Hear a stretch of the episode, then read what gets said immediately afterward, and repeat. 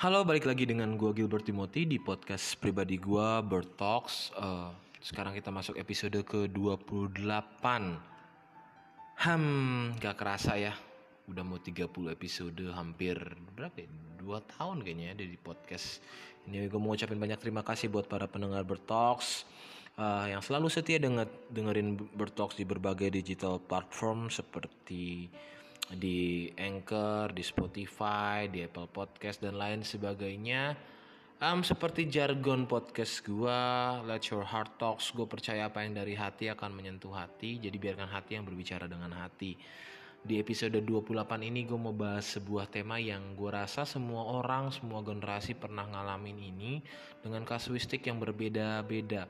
Uh, secara khusus juga pasti buat gue sendiri yang pernah mengalami hal ini tentu ya karena juga namanya bird gitu.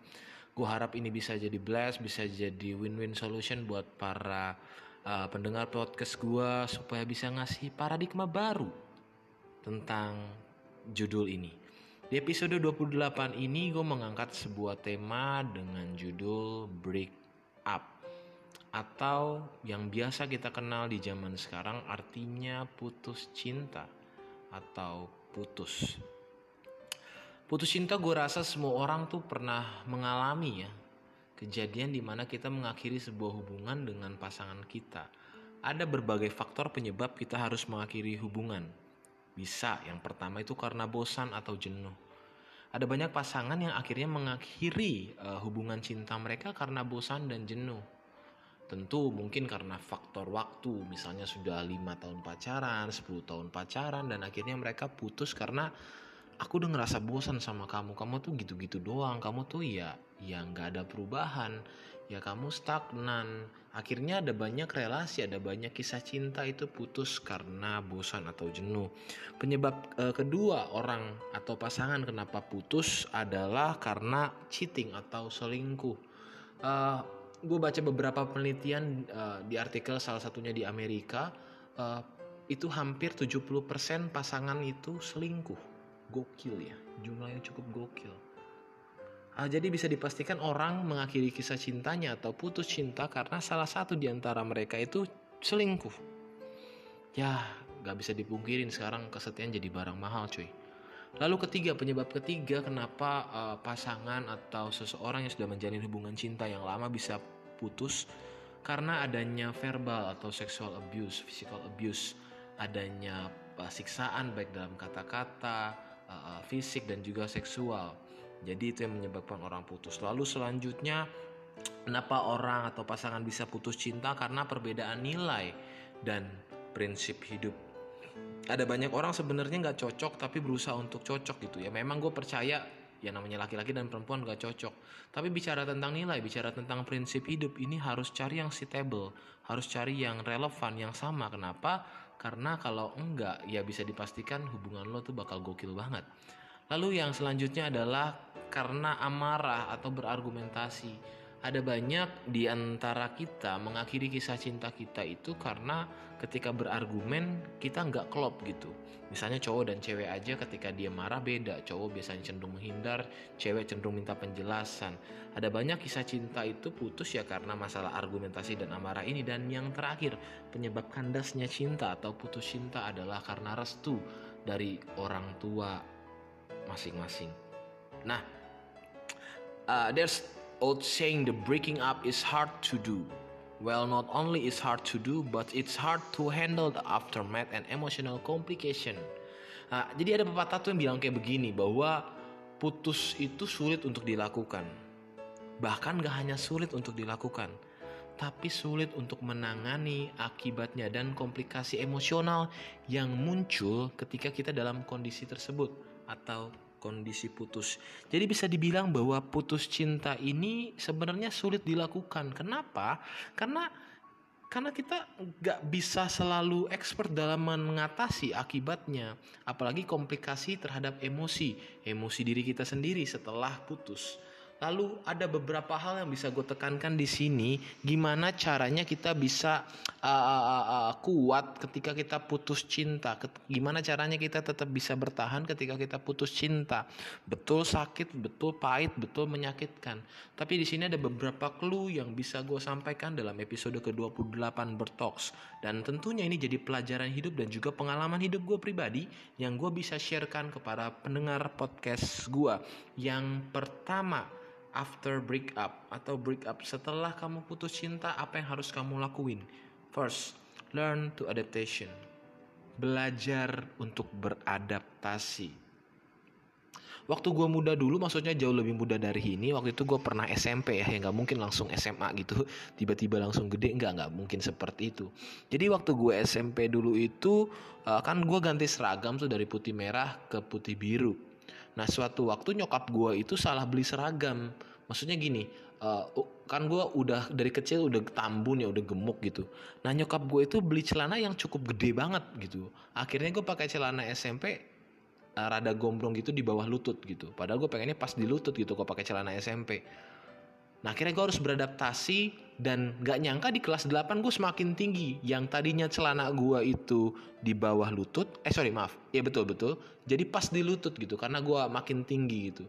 Tapi gue butuh beradaptasi dengan celana yang gue pakai itu celana SMP gue.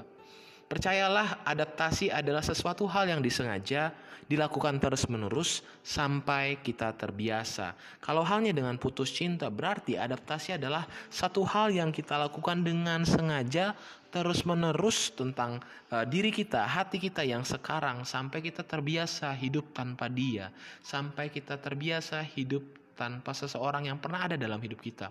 Betul gak gampang? Buat kalian yang mungkin pacarannya udah bertahun-tahun, terus putus cinta, pasti ada yang kosong, pasti ada yang ada yang yang yang yang kayak hilang. Tapi kalau kalian belajar beradaptasi setelah putus cinta, percayalah pada akhirnya nanti kamu juga terbiasa. Dalam kamus Old English kata adaptasi ternyata punya arti adalah uh, uh, pas untuk segala sirkum apa ya segala sirkumstansi itu kayak keadaan gitu. Jadi keadaannya mau baik atau buruk, lo bisa klop. Nah, sampai ada di titik klop tersebut setelah putus cinta atau setelah patah hati, butuh waktu.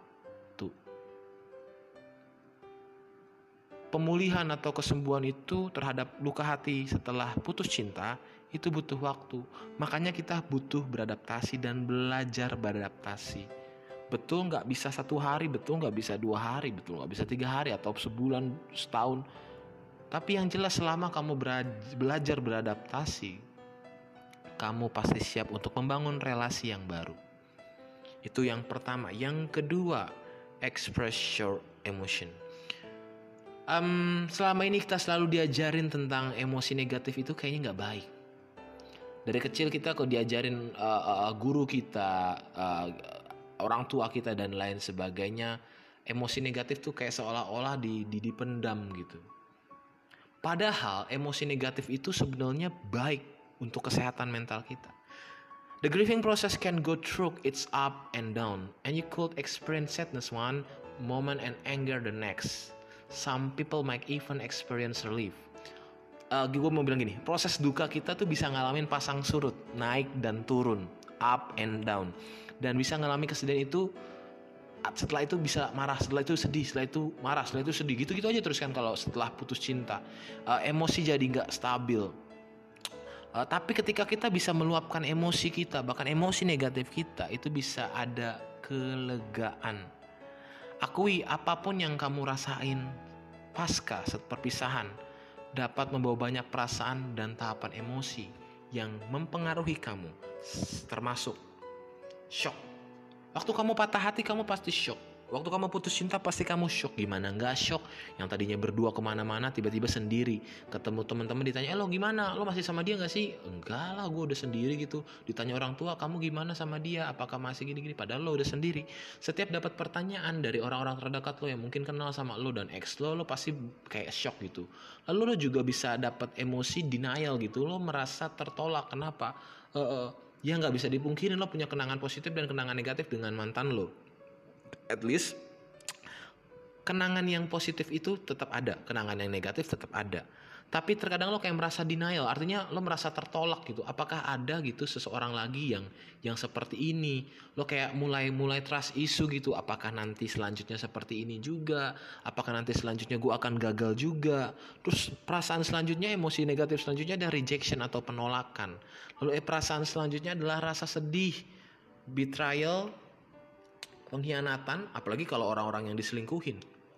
Uh, menurut gue nih denger ladies ya atau boys gitu kalau memang pasangan kalian selingkuh putus cinta itu solusi terbaik. Kenapa? Karena gue yakin orang kalau sekali selingkuh ya berikutnya jadi juga akan selingkuh gitu. Itu itu bukan bukan apa ya bukan kebiasaan yang terbentuk satu hari enggak. Itu memang memang karakter.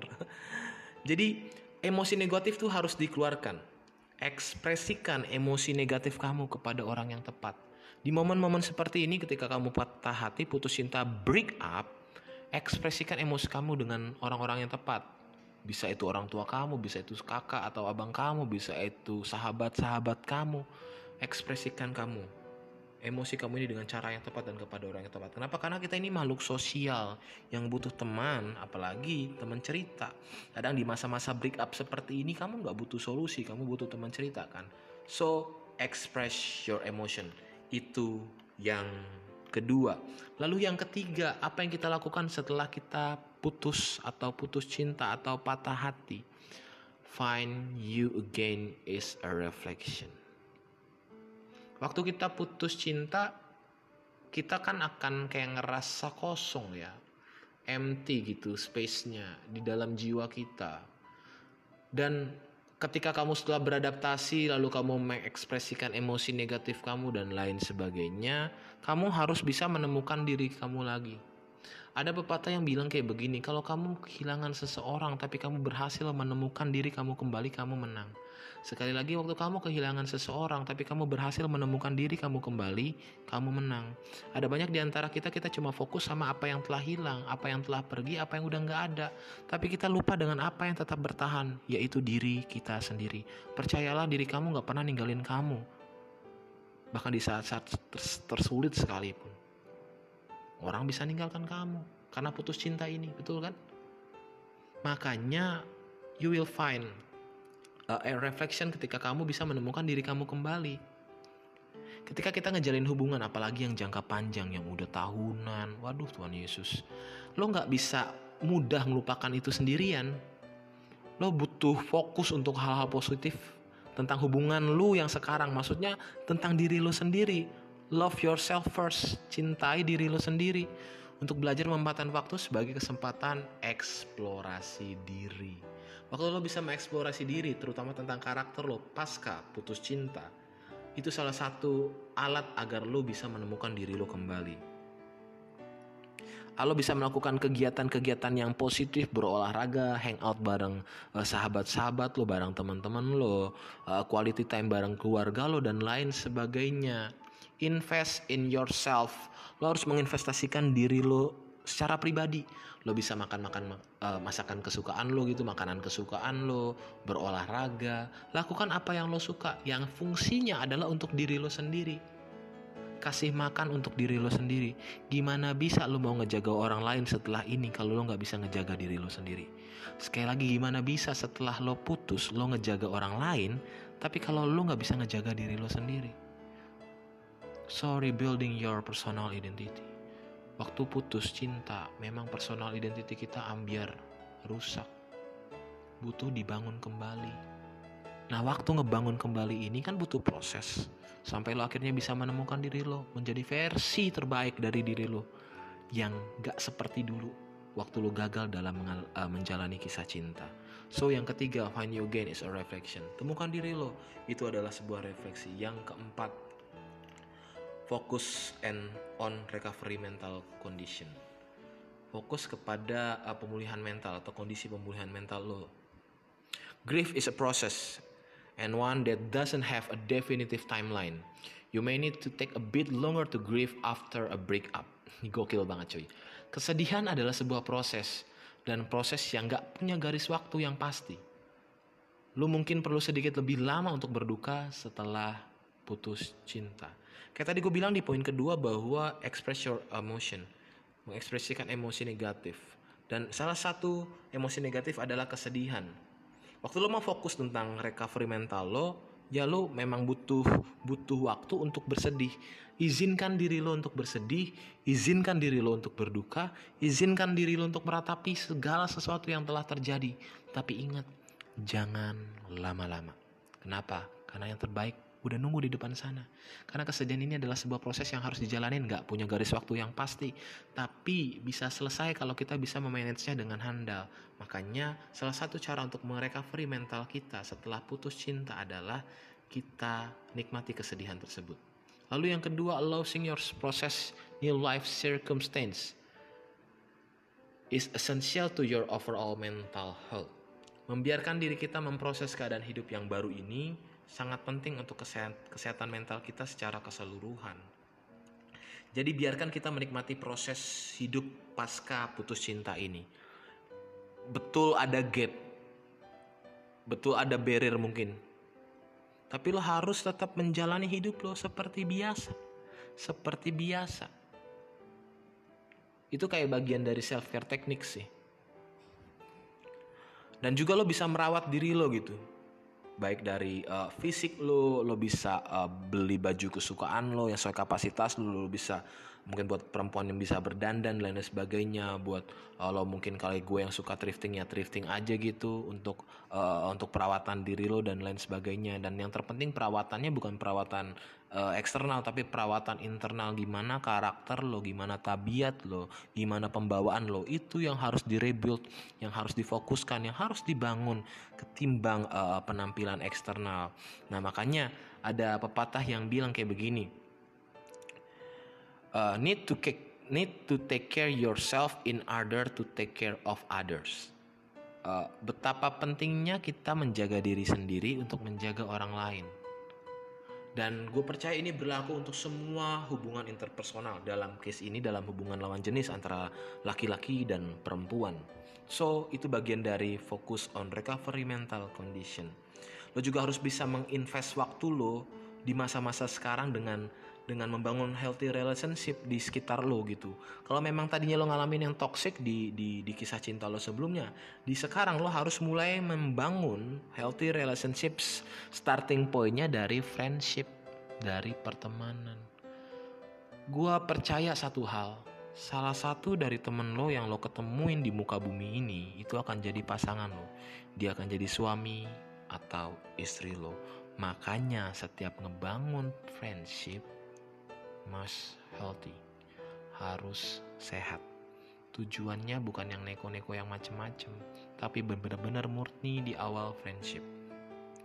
Lalu uh, kita juga setelah pat, uh, patah hati atau putus cinta itu kan uh, fokus mental kita bakal jadi hilang, apalagi soal kepercayaan.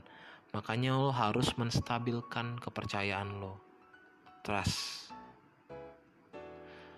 Waktu perpisahan ini terjadi, itu bakal sulit buat kita untuk mempercayai orang lain lagi. Sangat sulit. Lu akan punya label terhadap uh, uh, uh, lawan jenis bahwa dia seperti ini nih akhirnya semua cowok sama semua cewek sama makanya di sini lo harus ngebangun kembali kepercayaan dengan sengaja supaya lo nggak berpotensi punya masalah dengan mitra yang baru di masa depan karena kalau lo nggak ngebangun kepercayaan lo lagi dari awal, hubungan selanjutnya juga akan tetap sama. Hubungan selanjutnya juga akan tetap sama. Makanya betapa pentingnya lo harus menyelesaikan masalah trust isu ini sebelum lo mulai kembali membangun cinta.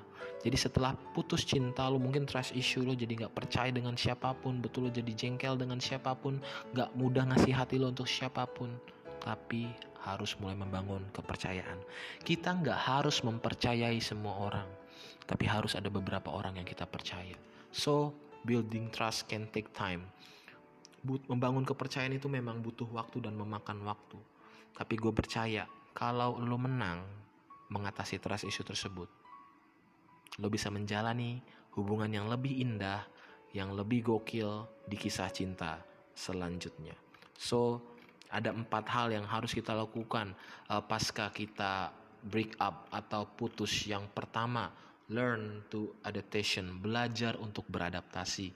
Betul sulit, betul nggak gampang, betul tidak mudah. Tapi waktu lu belajar beradaptasi, lu udah siap untuk menjalin relasi yang baru. Yang kedua, apa yang harus kita lakukan after break up? Express your emotion. Luapkan emosi lo, semua emosi negatif lo yang udah numpuk di udung eh bukan unak-unak itu ya. Ya, luapkan dan luapkan itu emosi negatif lo dengan orang-orang yang tepat dengan cara yang tepat.